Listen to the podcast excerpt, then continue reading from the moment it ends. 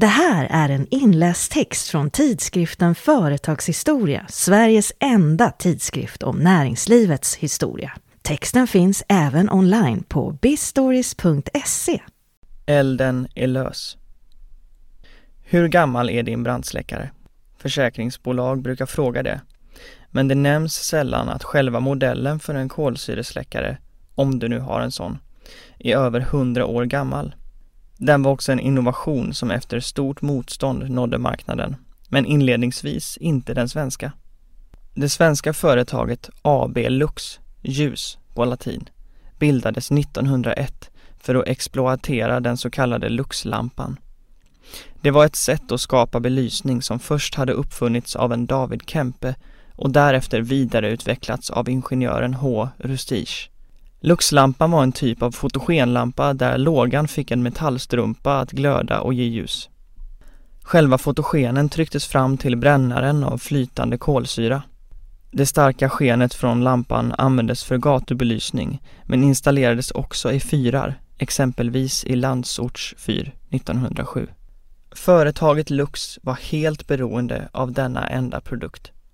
År 1912 utvecklade Rustige emellertid också ett brandsläckningssystem som spåddes bli en revolutionerande produkt.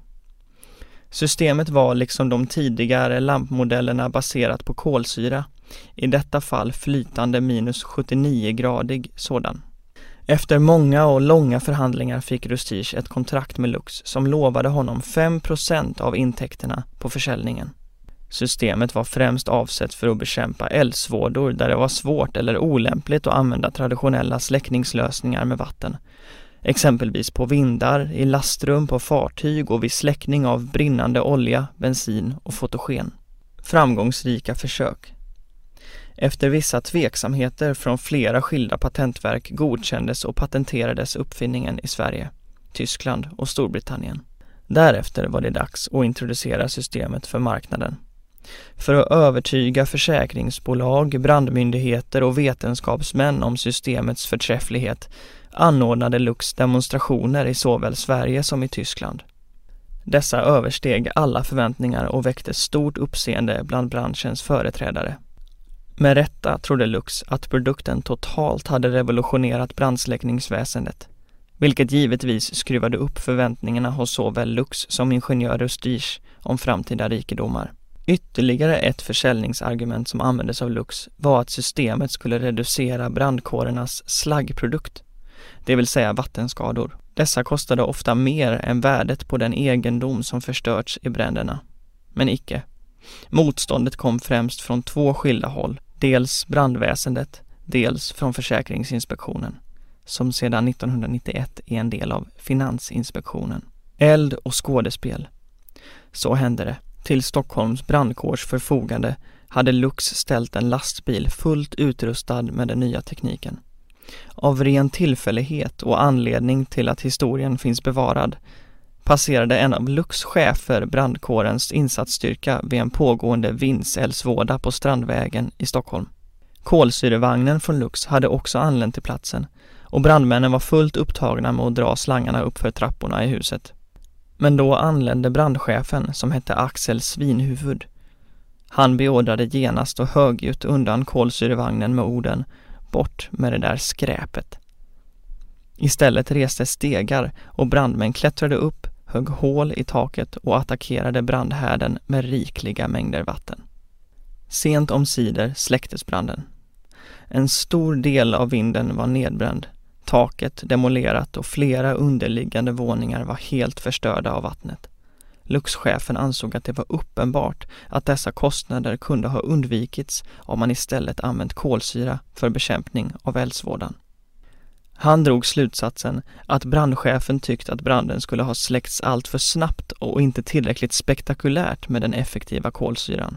Eldsvådor var ett uppskattat skådespel hos allmänheten och brandkåren ville gärna passa på med kombinerad ögonfägnad och styrkedemonstration inför den månghövdade publiken och till det syftet passade vatten bättre än kolsyra. Myndigheter tvekar. Även Försäkringsinspektionen var tveksam till systemet, främst när det gällde att bekämpa bränder i lastrum på fartyg. Enligt en av brandingenjörerna på inspektionen kunde systemet inte tillåtas eftersom det efter släckningen skulle vara omöjligt att avlägsna gasen ur lastutrymmet. Kolsyra var ju tyngre än luft och skulle därför stanna kvar på botten, resonerar han. Chefen vid Lux åberopade emellertid den franska fysikern Gay Lussac's lag som säger att gaser diffunderar, det vill säga hastigt blandar sig med varandra. Om inte denna fysiska lag förekom skulle den stora mängden kolsyra i atmosfären sjunka ner till jorden och göra planeten obeboelig. Inte ens detta argument räckte för att övertyga Försäkringsinspektionens representanter. Följden blev att Tarifföreningen inte beviljade någon premienedsättning för användning av kolsyresystemet och den förväntade försäljningssuccén frös inne. Trots allt motstånd lyckades Lux slutligen att introducera uppfinningen, men då genom att sälja den till USA. Där blev systemet obligatoriskt och infördes på alla fartyg. Och tack vare detta fick ingenjör Rustige på gamla dagar äntligen utdelning på sin konstruktion. Framgång till slut. Till historien hör också att den tidigare nämnda brandchefen Svinhuvud faktiskt ändrade sig med tiden och blev en av kolsyresystemets varmaste anhängare i Sverige. Axel Svinhuvud, 1867 till 1939, var chef för Stockholms brandkår 1911 till 1932 och en man med många talanger och erfarenheter. Han var 1893 till 1896 anställd vid belgiska Kongostatens tjänst och skrev senare en bok om sina erfarenheter. Vid sidan av hans normala värv som brandchef agerade han också som skådespelare och medverkade 1922 i filmen Luffarpetter där han spelade en brandchef. Det ska också nämnas att från 1912 ökade konkurrensen för Luxlampan från tillverkare av elljus. Eftersom det nya brandsläckningssystemet hade svårt att bidra till företagets intäkter började ledningen för Lux söka efter komplement till lampförsäljningen. Bolaget kom 1912 i kontakt med Axel Wennergren och började tillverka och sälja dammsugare. År 1919 gick firman samman med Elektromekaniska AB och bildade Electrolux som 1957 ändrade namnet till Electrolux. Det ska också nämnas att Lux år 1998 återigen blev självständigt då den schweiziska familjen von der Becke köpte företaget och grundade Lux International med huvudkontor i Zug i kantonen med samma namn. Företaget har verksamhet i hela Europa men driver också direktförsäljning i Indien. Av episoden kan vi lära att reaktionära tendenser finns i de flesta samhällslager.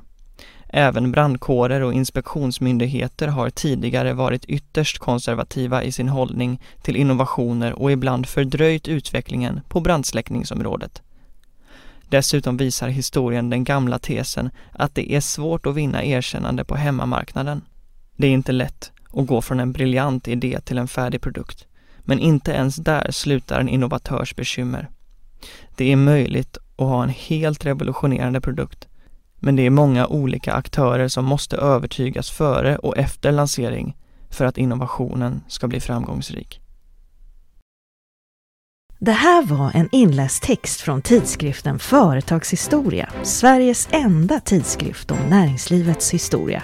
Texten finns även online på bistories.se.